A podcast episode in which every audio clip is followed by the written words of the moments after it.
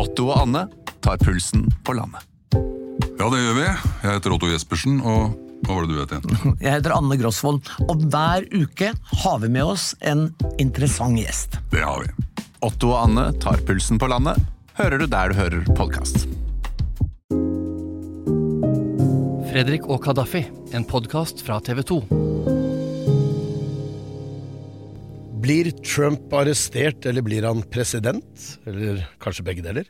Sist helg tok hun Arbeiderpartiet på senga og trakk seg fra en sikker plass som nestleder i Oslo. Hvorfor? Stortingsrepresentant Kamzy Gunaratman er her, og denne uka er det 20 år siden Irak-krigen brøt ut. Du lytter til Fredrik og Kadafi. Her i studio, Kadafi Saman. Og Fredrik Resvik. Ja, har det vært noen gode nyheter siste uka, Kadafi? Ja, vet du hva? Eh, noe av det beste siste uka har vært en eh, egentlig hjerteskjærende historie. Fra Sør-Afrika, hvor det er en tidligere Lillestrøm-keeper. Eh, Emil Baron, som kollega fra TV 2-sporten har oppsøkt. Det var en mann som var keeper her i Norge, og som nå går rundt og panter flasker, leiter etter mat. Han tigger for å få penger til familien sin, for å overleve. Det var en rystende sak. Jeg tror det sjokkerte veldig mange i Norge. Og resultatet er at Lillestrøm-fansen har tatt affære. De starta Spleis for å samle inn penger. Og as we speak så har den passert én million kroner. Og det var Altså, jeg vet ikke om du har lest den saken, men det var helt Det var så sterkt.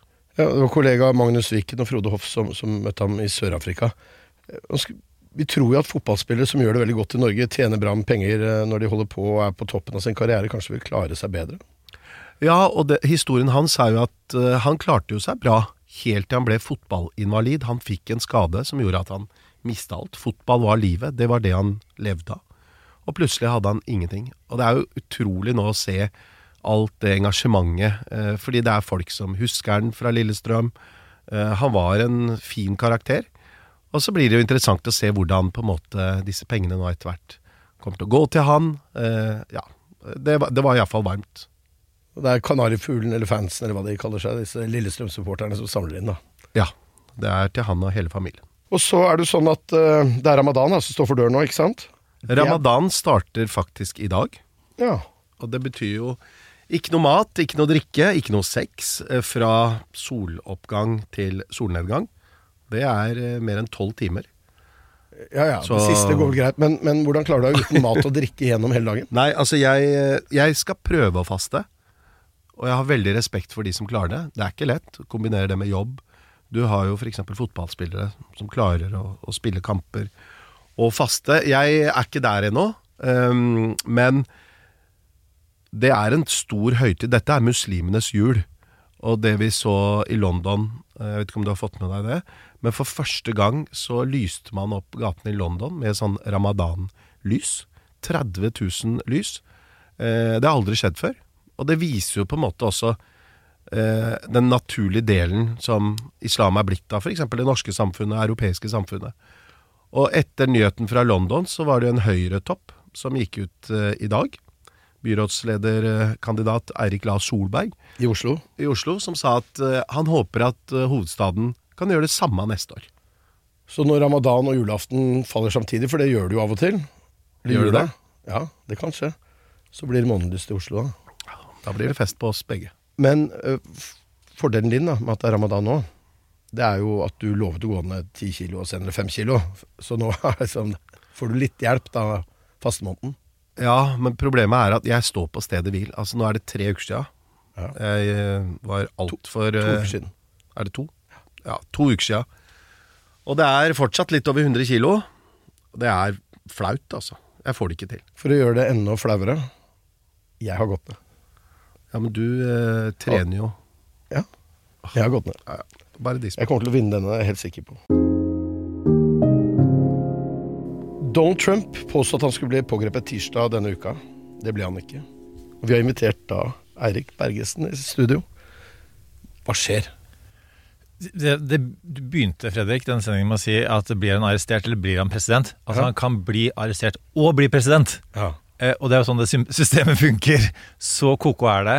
Og han kan til og med bli arrestert eh, av eh, sin fremste rival, guvernør i Florida, Ron DeSantis. Men han har ikke sagt at han skal stille ennå, DeSantis.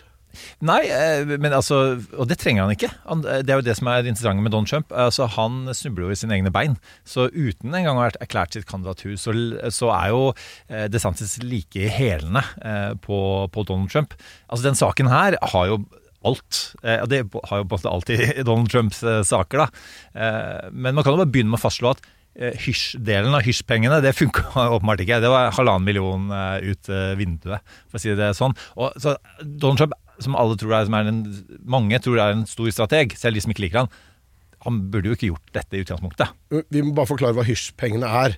Altså Det han er beskyldt for, er jo å be, eh, betalt penger til sin egen kampanje. Eh, på, på et vis ved at han har via advokaten sin betalt penger, og dette har advokaten innrømmet, til en pornoskuespillerinne som han hadde en affære med i 2006, eller når det var, eh, for at hun ikke skulle fortelle om den historien, noe hun allikevel har, har valgt å gjøre. Så ser man da eh, at rettssystemet mener at det her kan det være snakk om penger som er egentlig betalt inn for at han skulle vinne valget, altså penger til en valgkampanje. Ja, og Det er det mest pikante. det, er, det, er, det er penger fra valgkampfondet. Det er det, Jens har for å bevise, men det er det, som er hypotesen. Eh, og så er det ikke bare har advokaten innrømmet det, han har jo sittet i fengsel for det. Så av alle ting da man prøver å få Donald Trump dømt for, det er, det er mange ting, eh, så er jo dette en sak hvor det faktisk har sittet noen i fengsel, og Donald Trump er den som har bedt denne personen om å utføre handlingen. Um, sånn at hvis det skal være en likhet for loven, da, som jo er det, det Trump eh, sier, eh, så er det bare å snu på det og si at ok, det hvis han er dømt hvorfor skal man da ikke dømme en mann som er enda mektigere, som har vært president? Eh, det er jo sånn systemet fungerer. Eh, Men har de ikke noe ekstra beskyttelse? Er det ikke noe immunitet?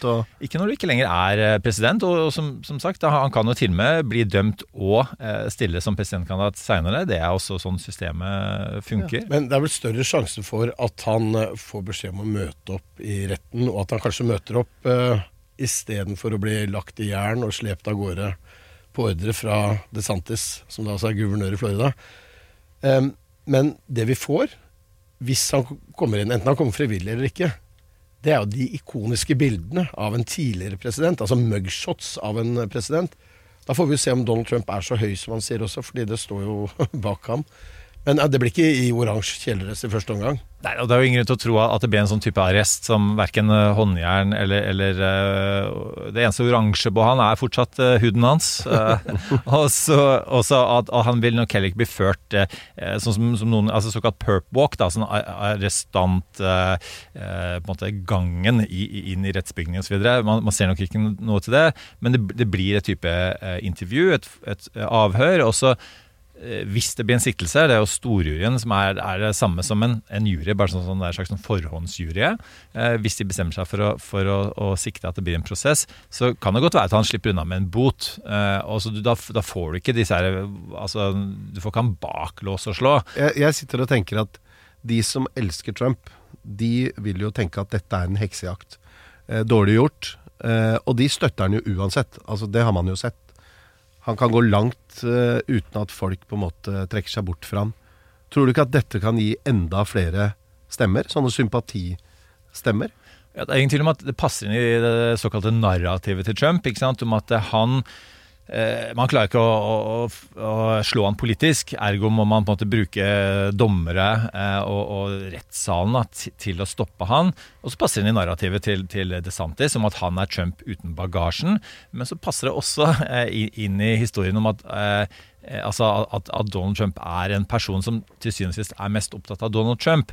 Eh, Og når han var president, så kunne han si som at ja, jeg har et land å styre her, ikke uh, bry meg med disse tingene her. Eh, og, mens nå har han på en måte bare den saken der. Så at um, jeg er litt usikker på, og det er jo det vi har lurt på hele tiden, hvor er de røde linjene? Når er det den begeistringen blir lav nok da, eh, til at han ikke lenger f.eks. vinner valg. Det så vi jo sist. Han tapte valget. Mye pga. han så tapte partiet hans eh, mellomvalget.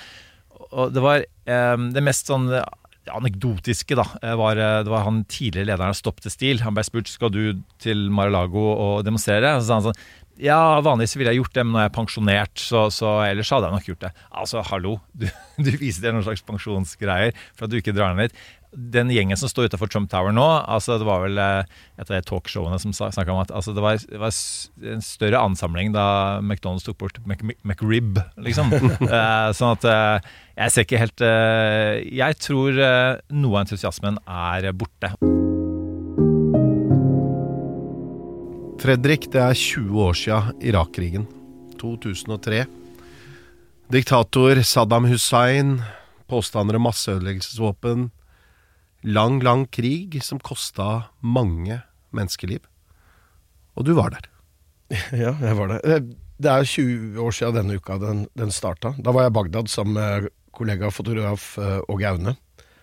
Ehm, det var mye styr før vi bestemte oss for å dra. Pentagon ringte alle redaksjoner rundt omkring og sa dere må komme dere ut, vi kommer til å bombe eh, hele Bagdad.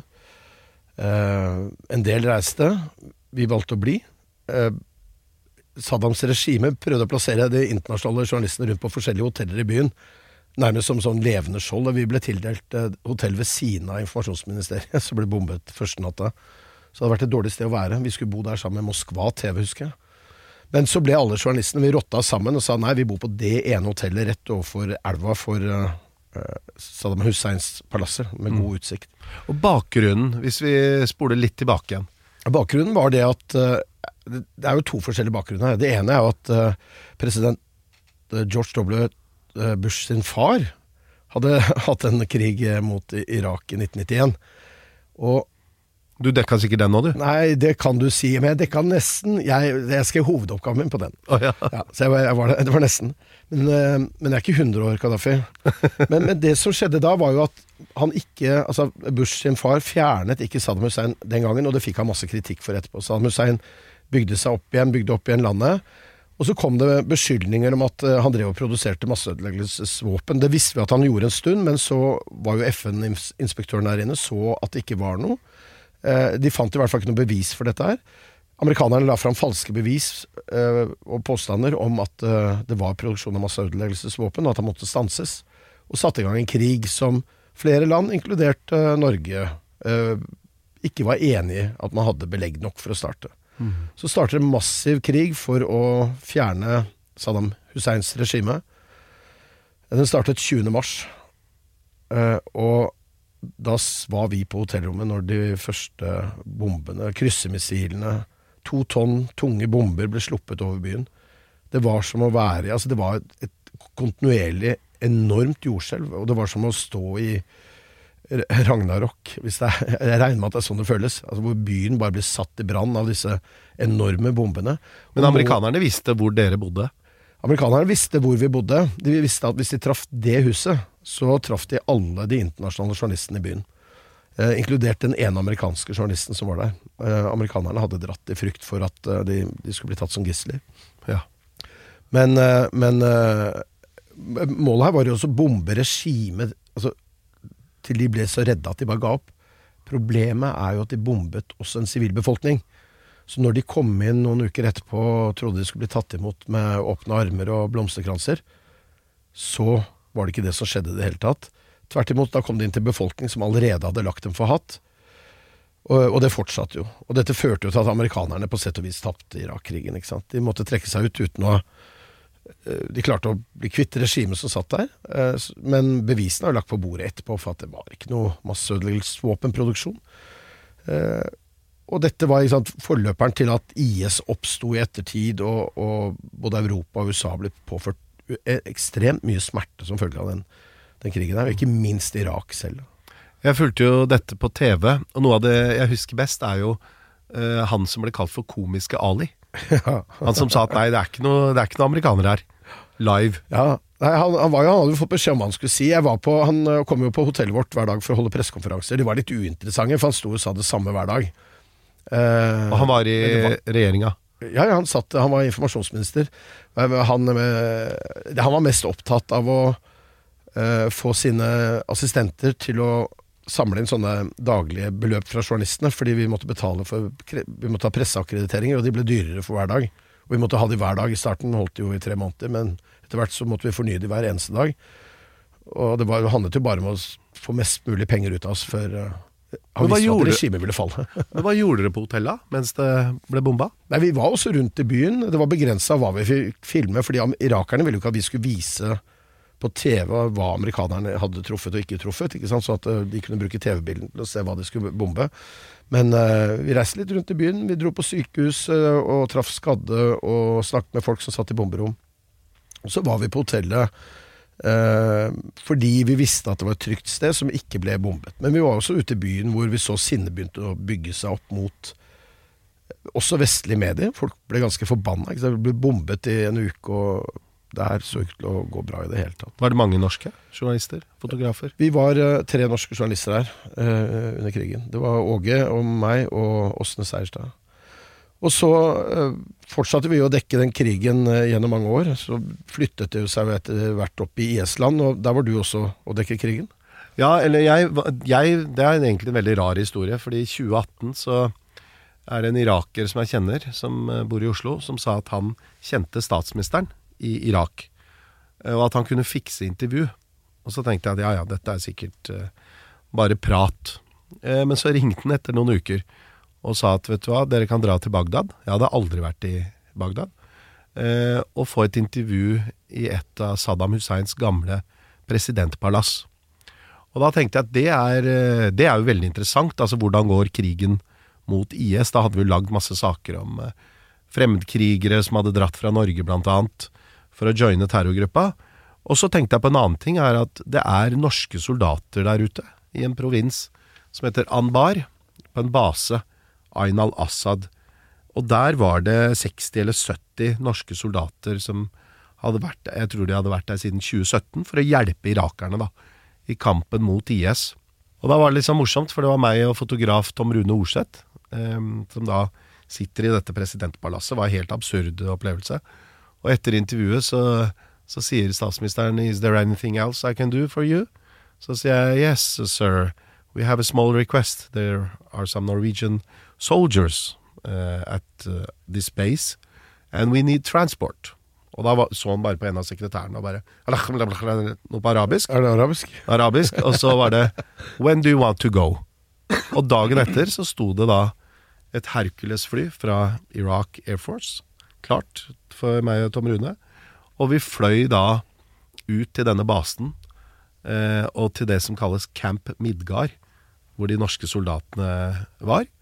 Og det var en, eh, var en veldig sterk opplevelse, fordi de var så unge, ikke sant, og har blitt sendt ut, da.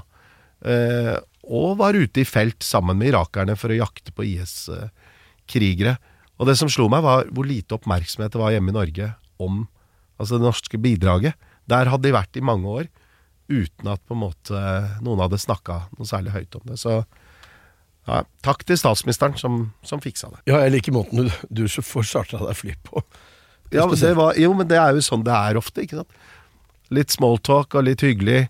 Og det, de, ja, de Jeg tror Forsvaret fikk sjokk. De var Hvordan i all verden eh, klarte dere å fly? Eh, eller hvordan overtalte dere han? Men, men. Irakerne var jo kjempefornøyd med det norske bidraget. Hun overraska alle da hun brått trakk seg som nestlederkandidat for Oslo Arbeiderparti. Straks forteller hun hvorfor.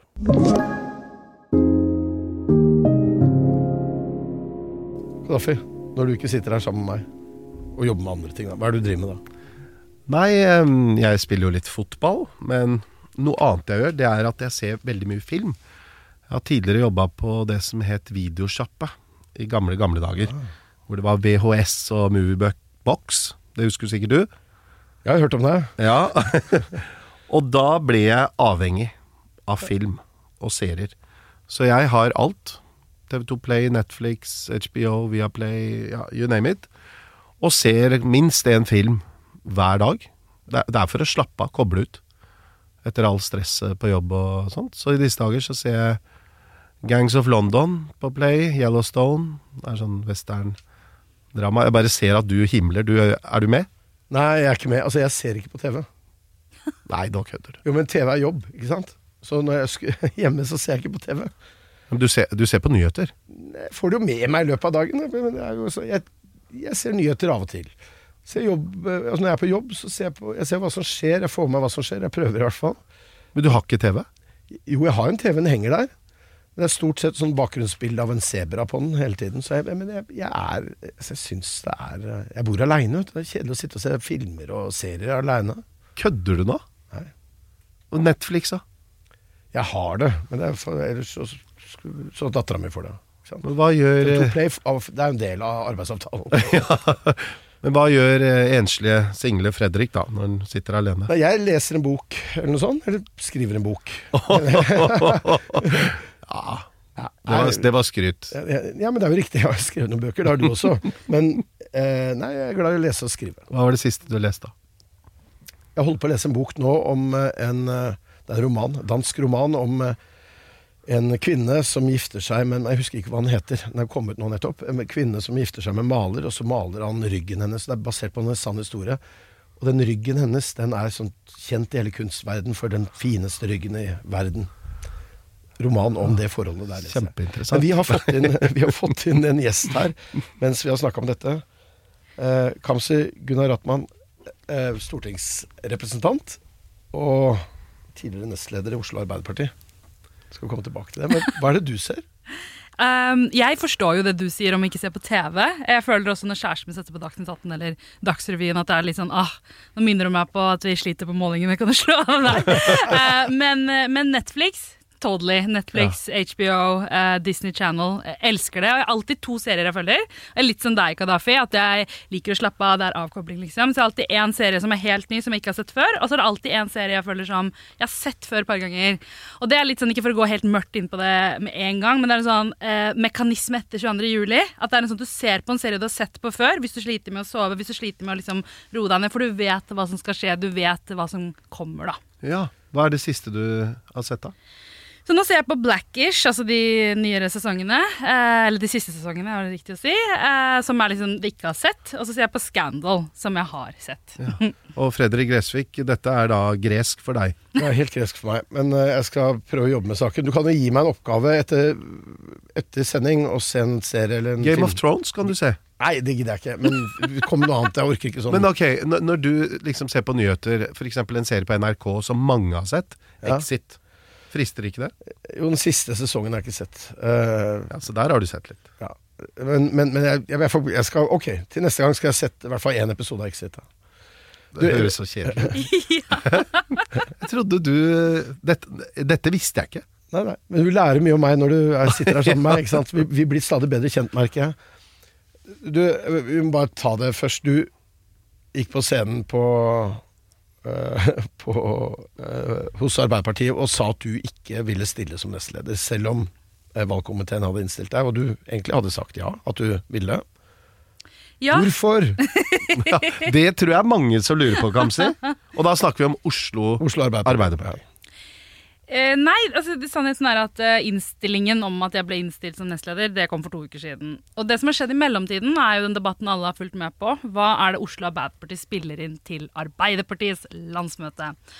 Og i den debatten så har vi vært tydelige på fornyelse, mangfold, endring, som helt sikkert er riktig og viktig. Eh, men det er noe med at dette her er ærlighet med kjærlighet. Vi kan ikke bare peke fingeren oppover, vi må også peke den innover. Hva er det vi kan gjøre annerledes? Hva er det vi må skjerpe oss på? Hva er det vi kan bli bedre på?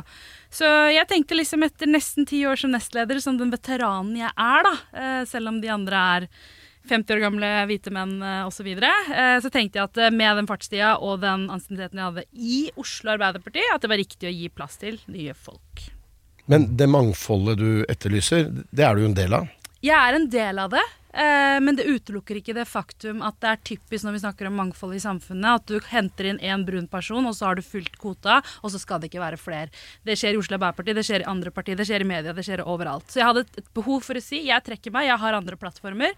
Nå skal jeg ha inn en ny, ung eh, norsk-pakistansk jente fra Oslo sør, eh, som er markant og sitter i styret, eh, og til en ledig plass, som jeg understreket er en ledig plass, ingen benkes imot. Så vær så god, Oslo Arbeiderparti, valget er deres.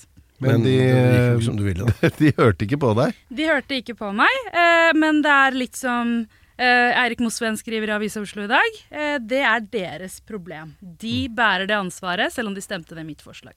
Jeg må bare fortelle en ting. Altså, i, i virkelig gamle dager, da. Time before time, før jeg ble journalist. 80-tallet. ja, før jeg ble reporter, så hadde jeg en fling med Arbeiderpartiet. Og når jeg så det med deg, eh, så tenkte jeg på, på meg, egentlig. For da hadde jeg sittet i Lier kommunestyre og drømt om å bli stortingsrepresentant. Og kjempa i en nominasjonskamp. Nå er vi i 1997. Det er lenge, lenge siden. Og tapte den kampen. Jeg husker jeg var så forbanna. eh, Og gikk på landsmøtet i Arbeiderpartiet og skjelte dem ut for å være et blenda-hvitt parti. Jeg hadde jo ikke tapt pga. hudfarge, men det var geografi. Men der og da var det sånn faen. Og ødela jo den karrieren. Eh, veldig glad for det nå, ellers hadde jeg jo ikke havna i TV 2. Eh, men der og da så var jeg ikke så happy. Og det jeg tenkte når, når jeg så det med deg, var Angrer du? Altså Er det sånn at Var det en taktisk feil, eller var dette ordentlig gjennomtenkt? Det er absolutt ting jeg kunne gjort annerledes, men det viktigste var at det var en statement. Og det er masse masse minoritetsmennesker i Oslo Arbeiderparti som tar en kamp akkurat nå. Men det jeg fikk ut av dette, og det står jeg ved, og det er helt fantastisk, er den debatten det har skapt. Eh, For det er ikke bare jeg som snakker om det lenger, det er mange flere som snakker om det. Og nettopp fordi jeg trakk meg, så ser folk at du kan ikke bare satse på én hest og bare forvente at de mobiliserer stemmer og bare sitter på tronen og, og gjør jobben som de vil at du skal gjøre. Jeg vil gjøre jobben jeg vil at jeg skal gjøre, og som folk i Oslo vil at jeg skal gjøre. Så jeg tenker at den debatten det har skapt om mangfold, og det manglende mangfoldet, og den kritikken det får nå, det tror jeg og håper at flere åpner eh, øynene sine og gjør jobben sin. Mm. For det er jo ganske Det er jo blenda vidt i regjeringa òg. Altså én ting er Oslo Arbeiderparti, men det er jo ikke så mange statsråder som ser ut som deg og meg. Nei, dessverre, og det er nettopp det som er poenget mitt. Vi kan ikke sitte som Oslo Arbeiderparti og kritisere oppover. Vi må se på oss sjæl også, og det har vi ikke gjort godt nok. Men er det sånn at du vil bruke mer tid på rikspolitikk? At det er derfor du Jeg vil bruke mer tid på rikspolitikk og de ansvarsområdene jeg har i justiskomiteen. Og så skal jeg være masse masse ute istedenfor å sitte i interne møter og drive valgkamp for Raymond Johansen. Det skal jeg gjøre. men, men du vil i Altså, du vil ikke inn i en posisjon som er nærmere regjeringen, da?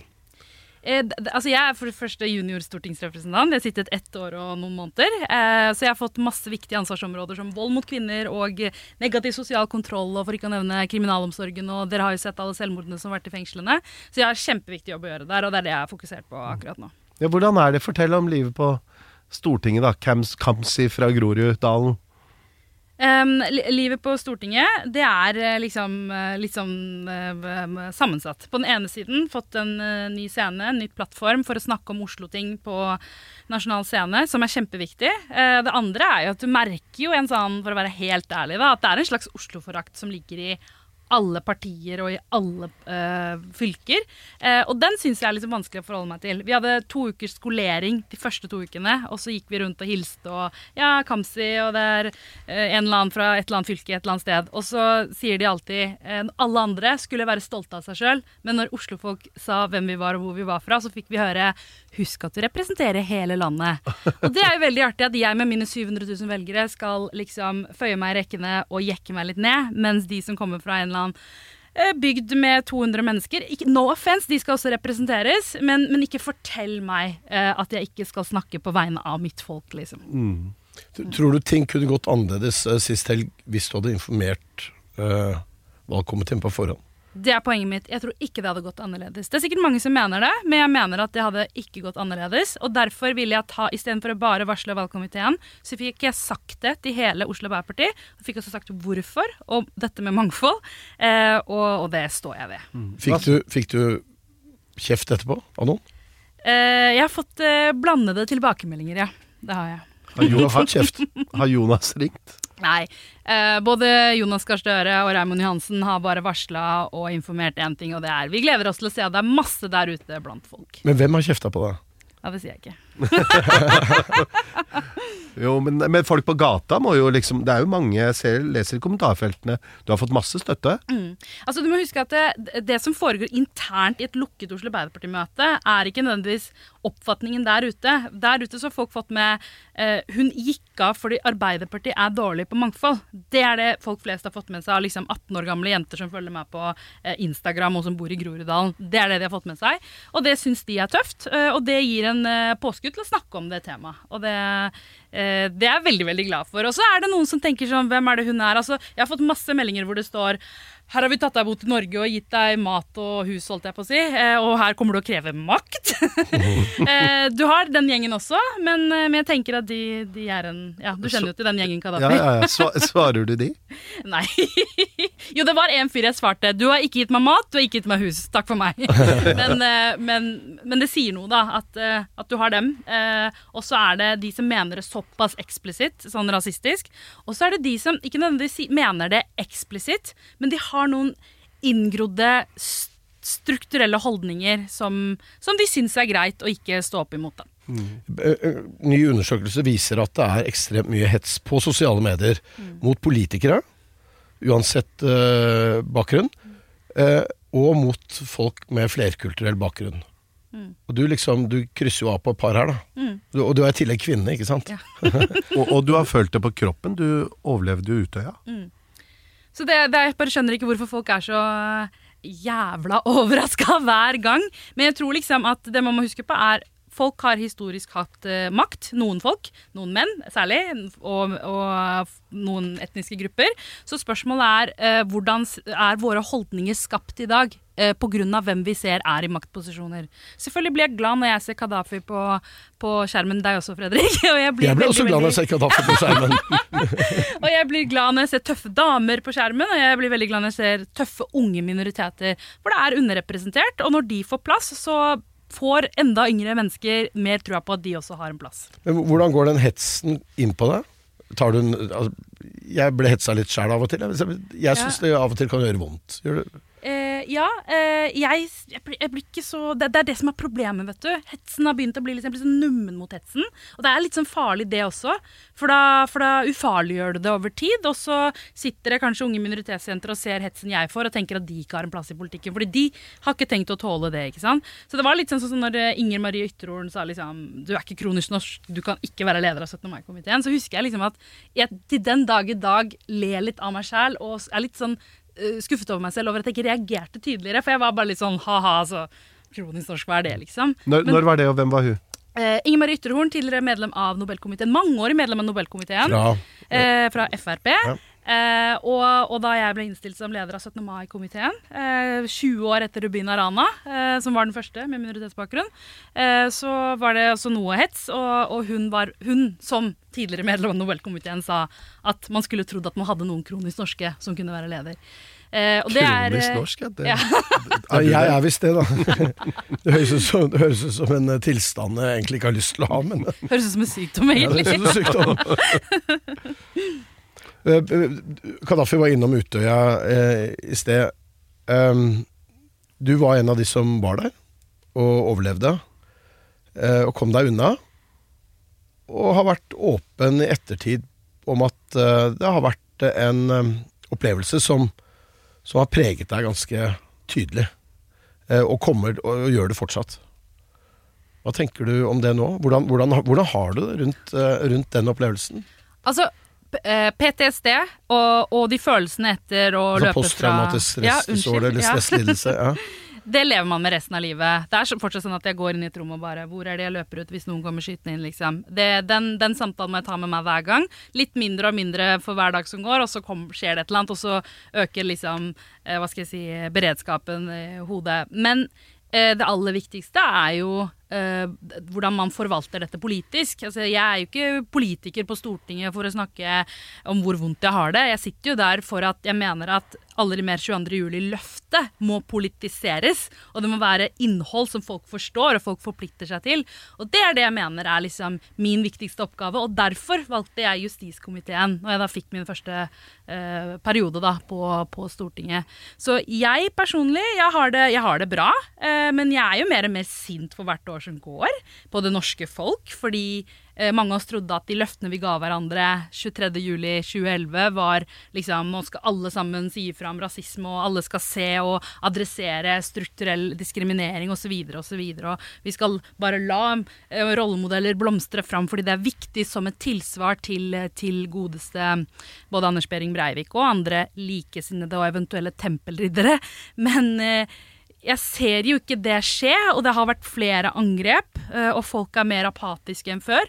Så jeg finner, føler jo på et sinne, liksom. Så det ene er liksom, jeg har det bra, jeg føler på et sinne, jeg er mer og mer sint, men samtidig, jeg må jobbe politisk med dette på Stortinget. Men på den andre sida, det går jo bedre og bedre òg. Altså, flere minoriteter blir synlige.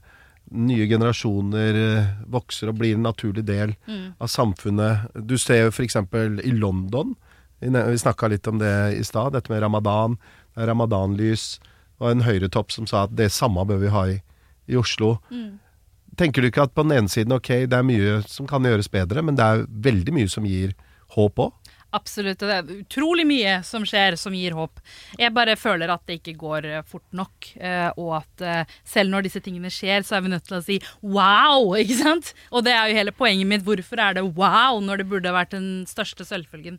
Jeg, jeg sa jo det at jeg ikke så på TV. Jeg ser litt på TV, da. Jeg ser, ser jo den serien eh, som har gått på TV 2. Norge bak fasaden? Ja, Norge bak fasaden er jo for programforplikta til å se. Jeg sitter jo ved siden av deg. Så jeg, du spør meg hva syns du om gårsdagens episode. Men eh, Det hvite sinnet, har du, har du sett den? Jeg har hørt om det, og jeg skal se på det. Ja, det er en bra, veldig sterk serie. Men det viser jo de siste tiårene hvordan eh, rasismen har fått lov å vokse i Norge. Da. Og, og men hvordan også det norske folket har slått den ned til eh, tider. Eh, Så, så jeg tenker at, at her er det grupper som står opp mot hverandre. Ja, og, og det må jeg si, fordi jeg dekker jo en del av de. Og, og det man ser, er jo at dette går i bølger. Når jeg begynte som journalist, eller jobba som journalist i VG, så lagde vi saker på Vigrid. Det var en gjeng som holdt på i skauen. Ble borte etter hvert.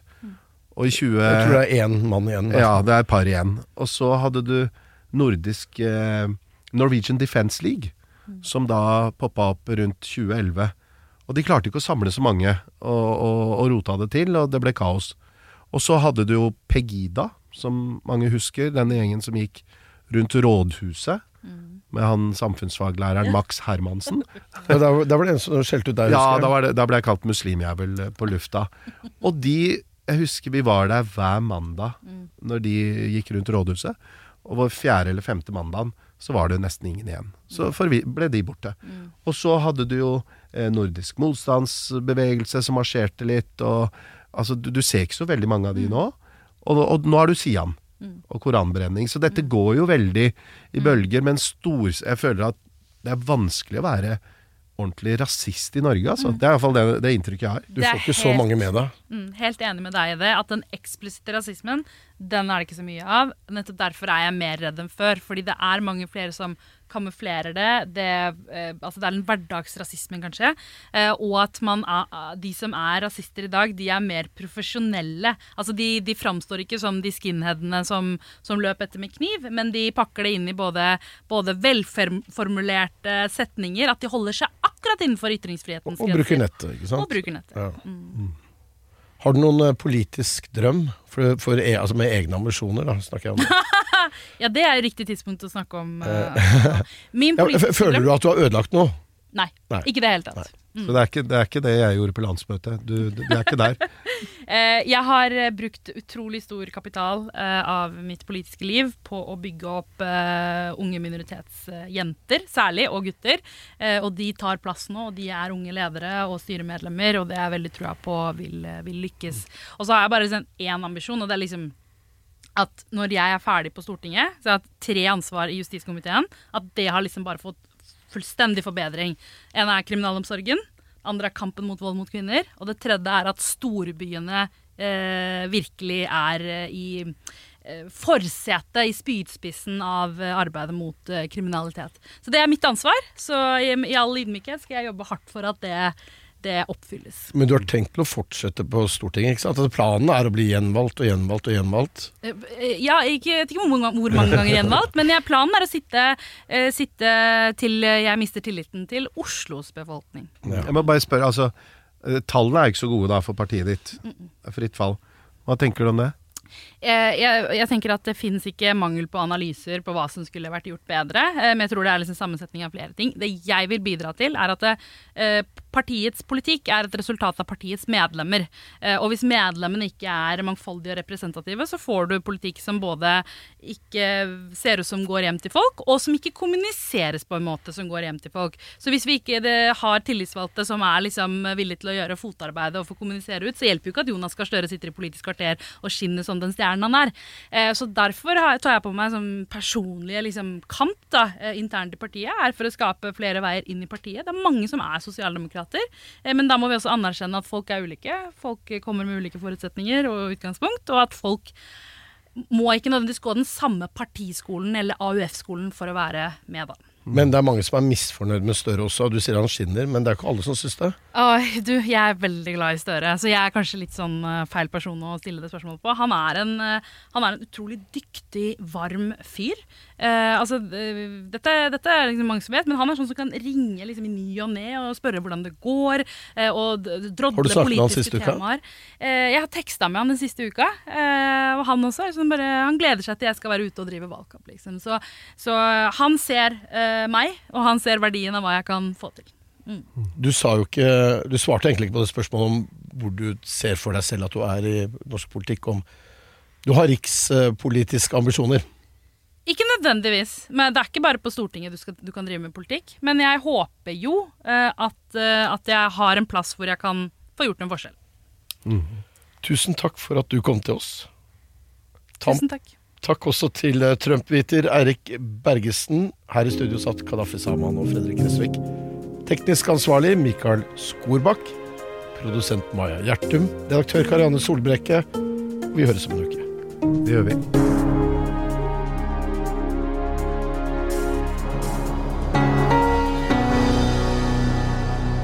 Denne podkasten er produsert av Bauer Media for TV 2.